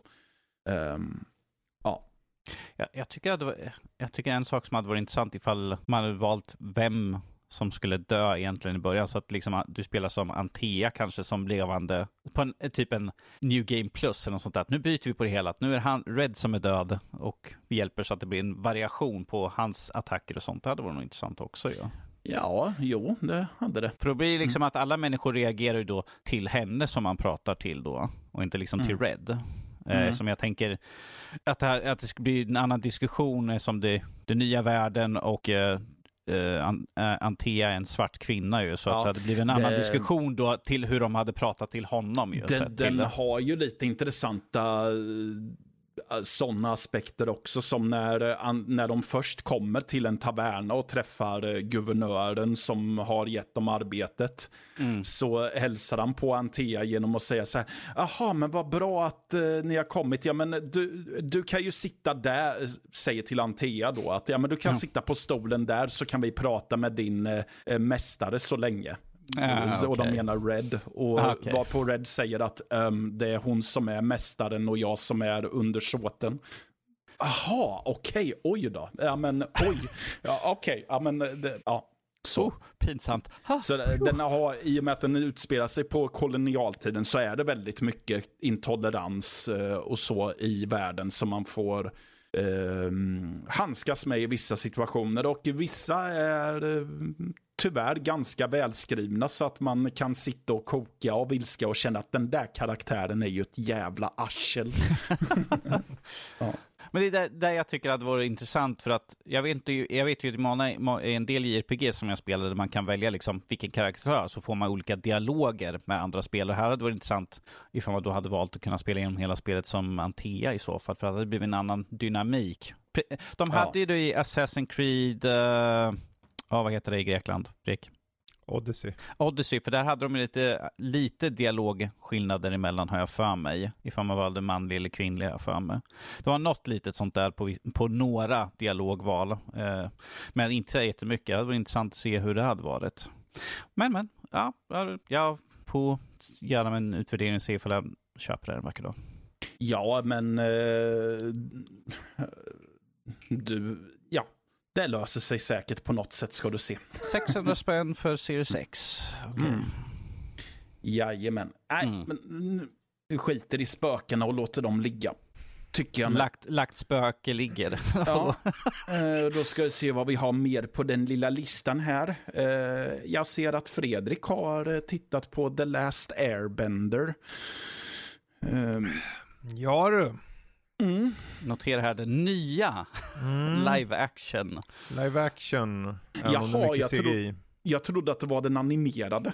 Nej, de har mm. gjort typ en remake på det nu. Och till skillnad från M. Night Shyamalans version som kom för x antal år sedan så följer den här ganska mycket mer troget. Men tar ändå eh, och förändrar lite saker. Mm. Framförallt gör de det mer vuxet. Uh, det, Eh, vi kan väl börja med vad, vad det handlar om lite kort. Uh, det handlar om en värld där en viss person uh, som kallas avataren reinkarneras hela tiden och han är då den som bemästrar de fyra elementen. För det finns uh, ja, eld, vind, vatten och luft som man kan bemästra i den här världen som magier typ. Och det finns också då fyra riken av samma elementnatur då, eldnationen, vatten och så vidare. Eh, men han är den enda som kan bemästra alla fyra. Uh, när han då, när man får börja serien så börjar med att uh, eldnationen kommer på den uh, ljusa idén att ta över världen. De vill helt, helt enkelt erövra världen. För mm. att eld, det, det, är lite vad eld gör. De bara tar över och brinner upp och allt sånt där. så att, och han ska ju då fixa biffen. han är bara en 12-årig pojke bör sägas vid det här laget. Eh, tyvärr går ju inte allt som man har tänkt, utan eh, när då de attackerar, och de börjar, för han i det här fallet eh, är reinkarnerad som en luftbändare. Eh, alltså han kan, mm. han kan eh, hantera elementet luft. Mm. Eh, tyvärr så faller det så att han faller i dvala i is i hundra år. Så att eh, eldnationen hinner bokstavligen ha ihjäl alla och ta över nästan hela världen under den här perioden. Uh, och när han väl hittas i, is, i ett isblock av en, uh, två unga personer från en vattenstam uh, så börjar äventyret där, helt enkelt. De som mm. har sett originalserien vet ju i mångt och mycket hur storyline kommer gå, men där de har förändrat än en gång är just att det är betydligt mer vuxet, som till exempel eldnationer, om bokstavligen bränner upp folk så får man se det många gånger. Um, och mycket, det är betydligt råare Eh, på den fronten. Och då balanserar de fortfarande den här humorn som fanns i originalserien. För det var en Nickelodeon-serie som var ganska påkostad för sin tid. Herregud, det är nästan 20 år sedan den kom nu. Så att eh, vad de har lyckats här för första säsongen är nog årets bästa serie hittills, skulle jag säga. Den slog, jag, jag satt ärligt talat paff. De, de tappar, det är inte, den är inte fulländad. För att eh, barnskådespelare som, vi har ett par barnskådespelare. Uh, killen som spelar Ang, som då är huvudkaraktären, han som är avataren, han är faktiskt ganska bra. Uh, och hans medkompanjoner funkar, men det känns som att de behöver mer tid för att komma in i rollerna. Mot slutet av serien så kändes det som att de hade kommit in i serien. Uh, de äldre skådespelarna däremot, de är riktigt välkastade. Och de har en del namn som kanske vissa känner igen. Ken Lung från eh, Lost bland annat. Daniel Day Kim som har gjort både det ena och andra. Eh, Paul Sun Hyung Lee som är, han var, jag vet inte om Danny, du har ju sett Mandalorian, eller hur? Yes. Han den här asiatiska, eh, vad heter det, inte TIE Fighter, eh, X-Wing, eh, Mm, yeah. han är det. Piloten, precis. Eh, han är skitbra i den. Han är en bra skådis. Ja. Eh, det här är nog hans bästa roll, punkt slut bara. Det här kommer definiera hans eh, kommande karriär, har jag en känsla av. Men de, har- de har, alltså det finns så mycket mer att berätta om dem. Jag tänker inte dra hela berättelsen för de, det är ju ändå en 20 år gammal serie så. Men att jag tänker att de som har varit lite så här eh, on the fence för om de ska titta på den här. De har släppt hela säsongen, första säsongen på Netflix så som de gör. Eh, uh, CGI går, det går lite upp och ner rent produktionsmässigt. De har hållit igen på vissa saker. Men de vinner över mycket på grund av att de har valt rätt skådisar. De har unga skådisar som växer in i rollen eh, väldigt bra. Uh, framförallt huvudkaraktären då som heter Ang, han som är avataren. Han är väldigt bra från start egentligen. Eh, lite precocious, brådmogen sådär, men det funkar för karaktären ska vara sån. De nailar humorn. Så jag, jag har varit väldigt positivt överraskad måste jag säga. Mm. För ärligt talat så är nog originalserien var något jag trodde inte skulle kunna toppas. För det är nog en av de, en av de bä- bästa ungdomsserier som rent manusmässigt har gjorts Ja. faktiskt. Och de, Mm. att de vågar följa den väldigt nära, men samtidigt ta eh, tydliga kliv i manuset för när vissa karaktärer kommer in, vissa eh, händelser sker, och eh, ge mer backstory på till exempel Prince Zuko och hans pappa, eller hans Uncle Iroh som spelas av den här Mandalorian-piloten eh, som vi nämnde nyss. Eh, har gjort att de fyllts på betydligt mer och ger nästan en förståelse för resan de gör i första säsongen. Eh, de som är lite undercooked är väl egentligen med eh, ungarna, eller Socka som den ena heter, killen, och eh, Katara som är då med Ang. Eh, Även om de två är väldigt, de är bra också. Särskilt Socka är väldigt välkastad, även om jag irriterar mig på honom i början lite grann. Ehm, men ja, jag, jag vet inte vad jag ska säga riktigt. Jag, har ni Netflix och ni tittade originalserien så jag, jag kan bara, jag kan inte föreställa mig att man inte kommer gilla den här. Det här, det här kommer man nog gilla faktiskt. Jag, jag har inte sett serien själv. Alltså jag vet exakt vad serien handlar om, så jag Mm. kanske ska kolla in den här. Som sagt, jag har hört så många prata om serien, jag har sett snippet ur den, så att jag vet ju storyn. Och Ja. jag har ju spel också, så att jag kan göra så. Men att, nu kan jag få en vuxnare version och bara se, faktiskt En se så här rakt upp och vuxnare den, och den gör ändå lite sin egen grej. Och eh, ma, det man måste tänka på än en gång att barnskådespelarna, låt dem växa in i rollen och när du accepterar dem så accepterar du serien någonstans. Uh, CGI-nivån går som sagt lite upp och ner, men överlag är den ganska välproducerad, så häng med i äventyret, ta öppna ögon och bara följ med, så tror jag du kommer älska den här serien. Jag, Det är ju svårt att titta på en serie om man har stängda ögon förvisso. ja, jo det är sant. Mm. Men ah, jag vart så glad och jag började titta tidigare idag Mm. och plöjde hela säsongen. Ja, det är ju ett gott betyg ändå. Och då började det nämnas det åtta avsnitt på Ja. runt 45 till 50 minuter styck. Mm. Och då har de lyckats kombinera saker från hela säsongen. The Cabbage Man är med. Jag säger de som vet ni vet. Det är alltid en snubbe i en viss stad som ska gå Mm. runt och ska sälja sin jävla cabbage. Och så händer saker och han är med. Eh, och blir förbannad som vanligt. För att någon eldar upp hans jävla kolhuvud. Ja. Eh, Åh, Mm. ja vad kul. Men över till diktatorskägg. Diktatorskägg. Ja, eh, jag kan väl skjuta in mig själv då. Mm. Eh, jag har... Va? Jag vill att du ska köra lite bil nu. Jag är jävligt du- nyfiken på bil. Jaha, du vill att jag ska köra bil? Ja, ja, Du då får gärna så. ta båda de där två, för jag är nyfiken på båda. Ja, ja, men eh, vi kan väl börja med bil, bilåkandet då. Pacific Drive eh, sitter jag med just nu och ska inom kort skriva mina intryck om det. Men jag kan ju såklart prata lite om det här. Eh, vi spelar som en person som kör en bil. Ett Den- bilspel? Ja, Tack för den, det. Ja, men precis. Den kommer till ett... Den kommer med färja till en ny plats som det finns en stor mur omkring. Och det vi får reda på i, tack vare en text i början att det här är något som heter New Olympus, tror jag. Och att eh, det utfördes eh, lite fuffens eh, som ett företag som heter Arda höll på med. Mm. Men det här hemlighölls för eh, allmänheten tills en dag då de evakuerades. Och vad som verkligen har hänt innanför de här murarna är det ingen som vet. Um, ja, um, jag tror att den här personen man, ska, man spelar som ska på någon slags arbetsintervju. Oklart vart, men man kör i alla fall förbi ar- eh, muren till det här området. Och så öppnas det någon slags portal som suger in en likt en dammsugare. Med bilen och hela skiten. Och eh, man eh, lullar runt när man har fått tillbaka medvetandet och undrar "Ja, vart har jag tagit vägen? Ja, min bil är där. Som tur är. Eh, så man går till bilen och så börjar några personer prata med en på radion. Och de menar på att tydligen så är man inte den första som har blivit insappad eh, i den här världen. Och, men däremot så reagerar de på att man kör runt i en bil.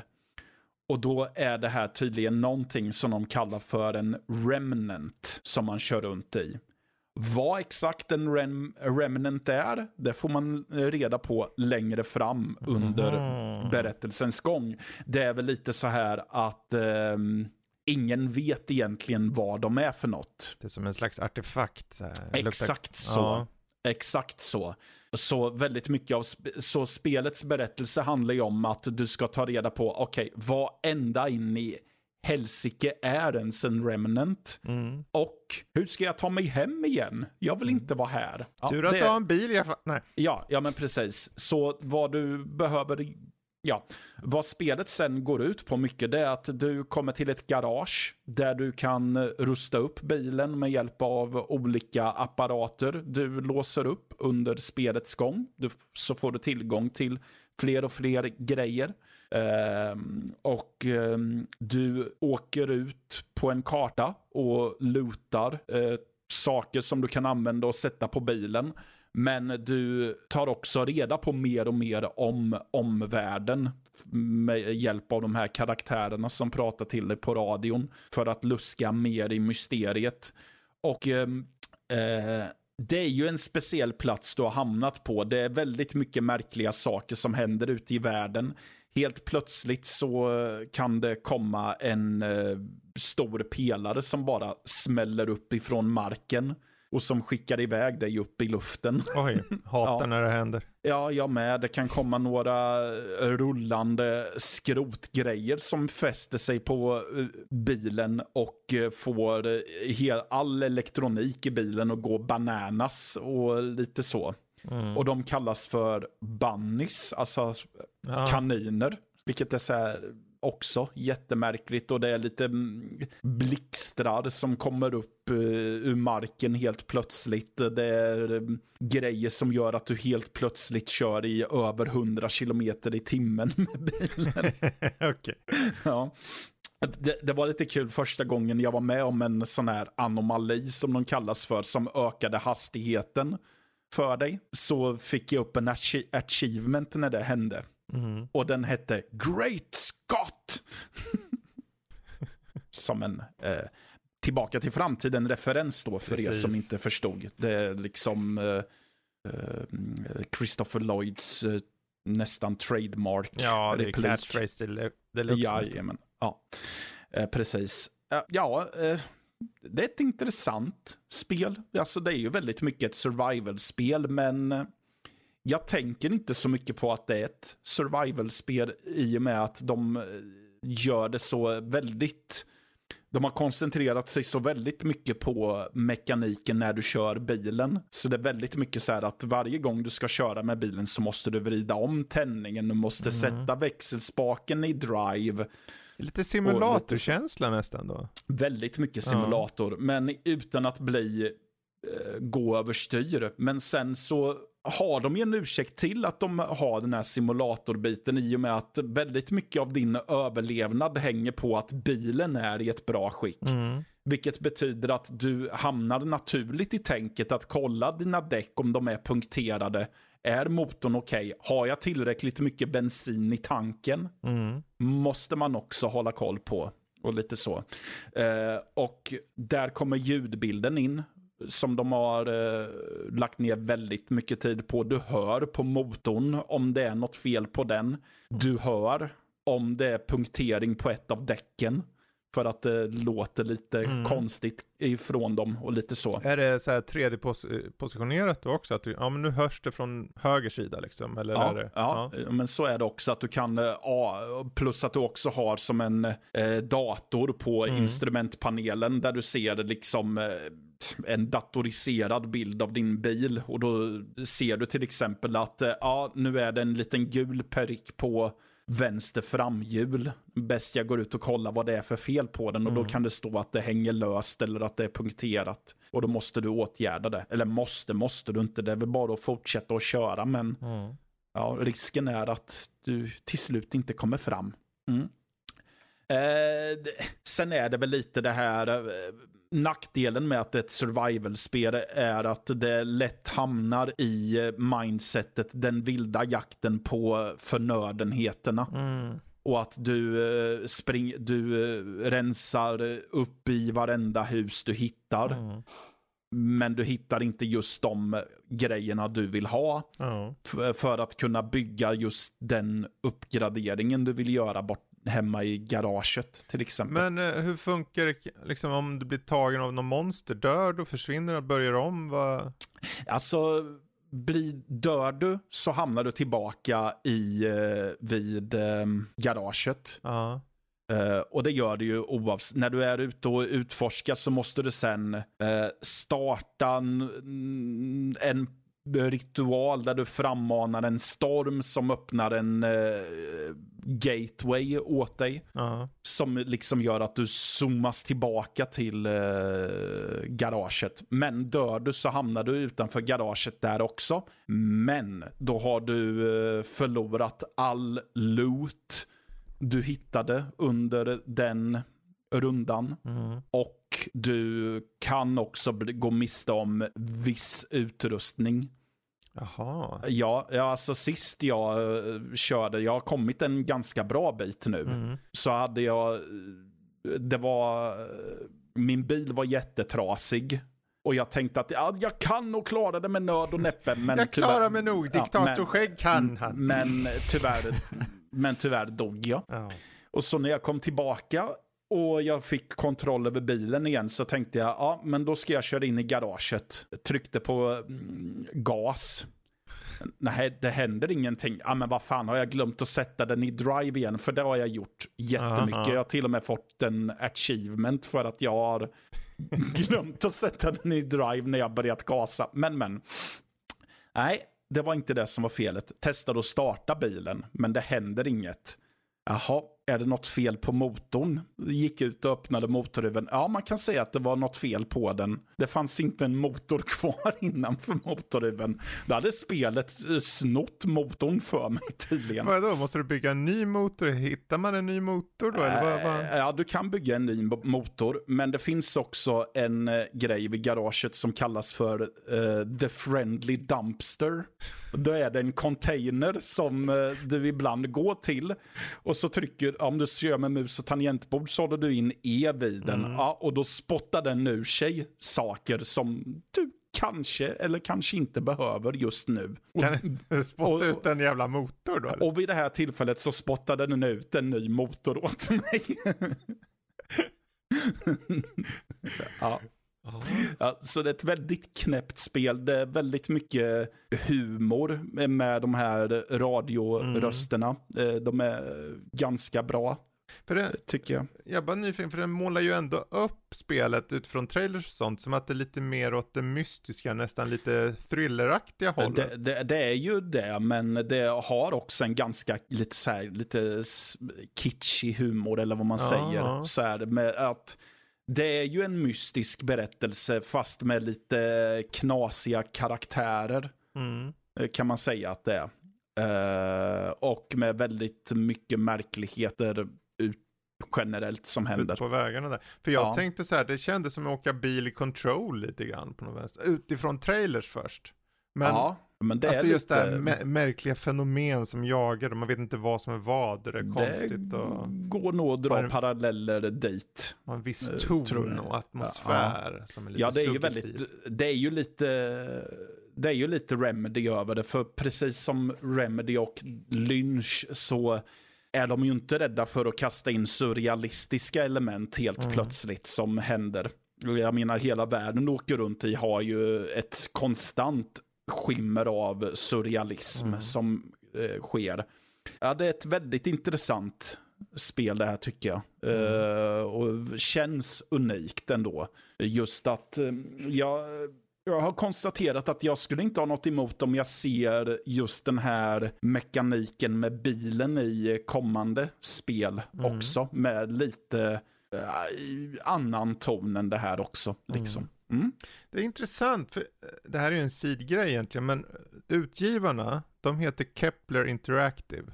Mm. Och jag har aldrig riktigt känt igen namnet eller något, jag förväntar mig inte att ni gör det heller. Men när jag kollar upp dem så märker jag att de har släppt en del riktigt intressanta spel, för de började att släppa typ eh, Sifu och Scorn. Ja, ah, okej. Ja. Och sen har de släppt Ultros bland annat nu, det här jättepsykedeliska Metrovadia-spelet. Och de har ett kommande spel som heter Flintlock. Mm. Um, som också är väldigt så här, det, det, verkar som att den här, jag, jag, jag, säger bara om ni ser att det står utgivare Kepler Interactive, släng ett öga, för det, det känns som att de har lite öga för udda men intressanta titlar. Ja, definitivt. Faktiskt. Mm. Så att, uh, intressant, det var bara en sidogrej. Så. Ja, nej men, uh, ja. Mm. Ja, men så jag är positiv i alla fall. Än ja. så äh, är jag ju så. Äh, har väl inte riktigt konkretiserat alla tankar som Nej. far omkring. Utan det blir ett arbete att göra i, ja. ja nu under helgen då. I ja. så fall. Mm. Vi kanske kan följa upp det i podden lite sen. Det kan vi nog vecka. göra. Finns nog, risk. Finns nog risk för det. Mm. Nej men, ja, jag är lite burdus och bestämmer att jag får prata om ett spel till. Eller en ja. demo. Eh, rättare sagt. Jag har jag. testat en demo på ett spel som heter Cryptmaster.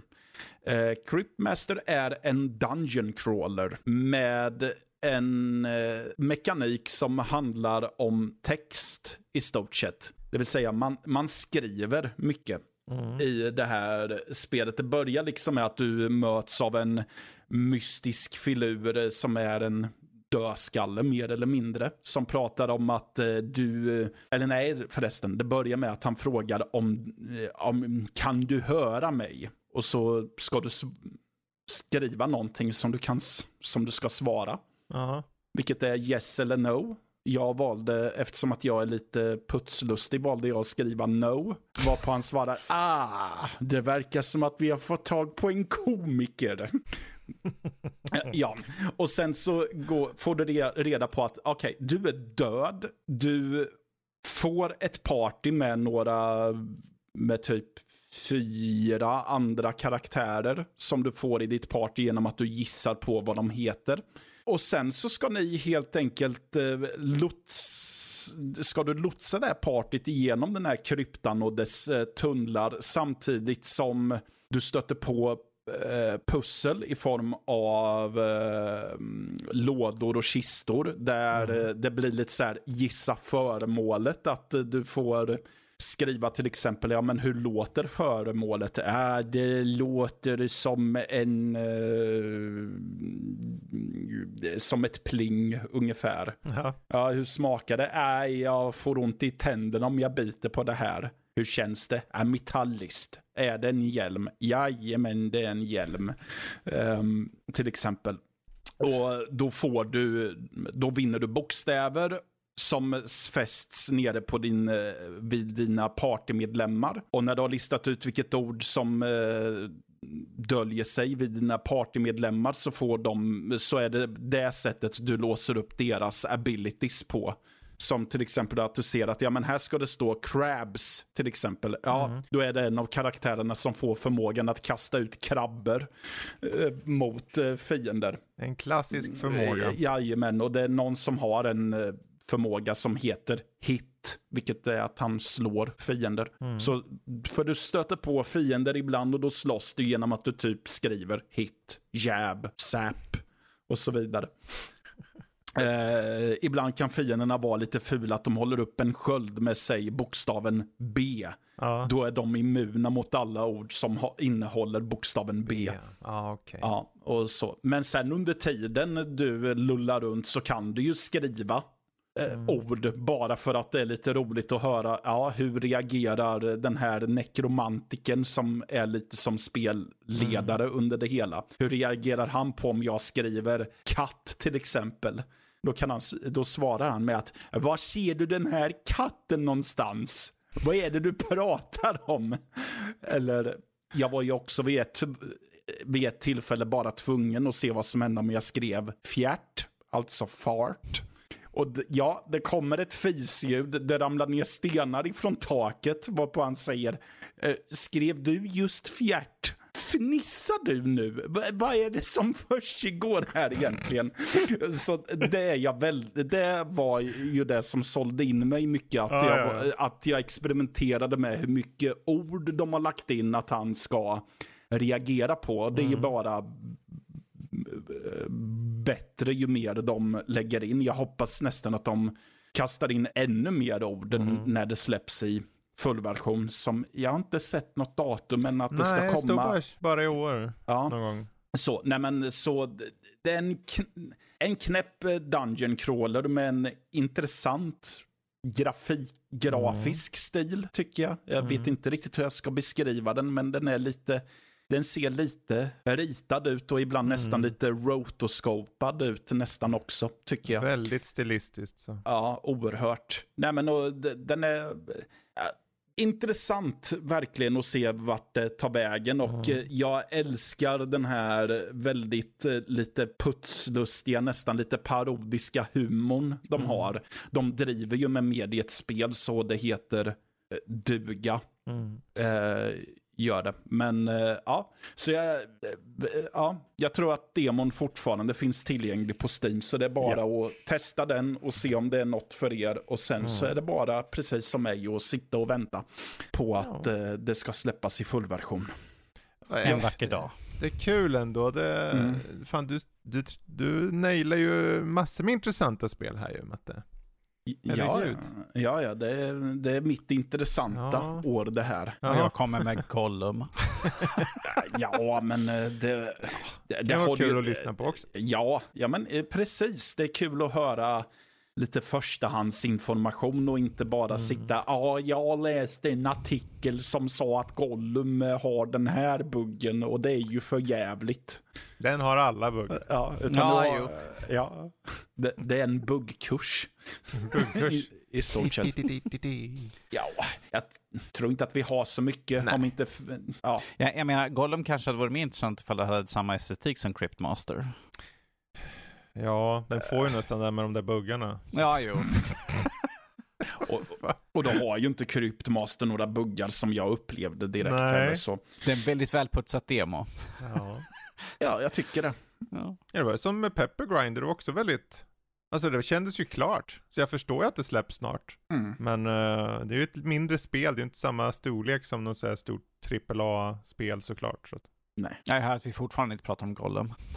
Nej, verkligen inte. Men det, ja. Ja. ja. Ja, men ska vi knyta ihop säcken för den här gången eller? Sure.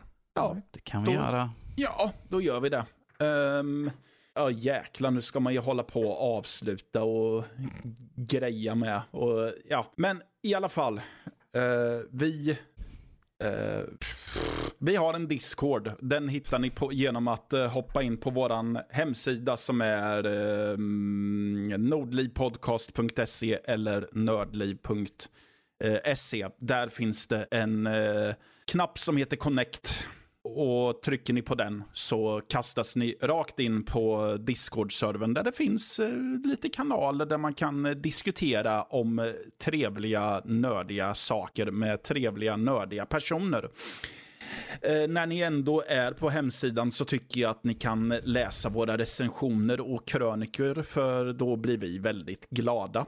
Eh, så, eh, ja, ni kan gilla och kommentera på iTunes. Mm. Vill ni komma i kontakt med oss har ni info.nordlivpodcast.se eh, eller våra individuella namn nordlivpodcast.se mm. om ni vill säga något till någon specifik person. Mm. Eh, vi finns på sociala medier, Instagram, jag tror att vi har threads nu, eller har vi ja, det? det har vi. Ja, det har vi. Och eh, ja, vi finns säkert kvar på X, Twitter eller vad det, vad det nu heter. Vi heter att Nordliv SC på dessa plattformar ja. i alla fall. Kan ju ett litet tips där. Eh, är det så att eh, ni följer oss på Instagram så har vi just nu en tävling. Eh, vi har nämligen en, att man kan vinna ett rollspel, Alien Building Better Worlds plus regelbok. Så om ni hör det här på söndag nu så, så är fortfarande tävlingen i full gång. Och det är bara in, följ, gilla och svara på en liten kommentar om vad, vilket monster på vita duken som är ert favorit. Så har ni chans att vinna det här rollspelssättet då. Mm. Ja, en liten miniplugg där bara. Mm. Jajamän. Och jag avslutar nu med att säga tack till Danny och Fredrik som orkade genomlida mitt eh, svammel denna fredagskvällen.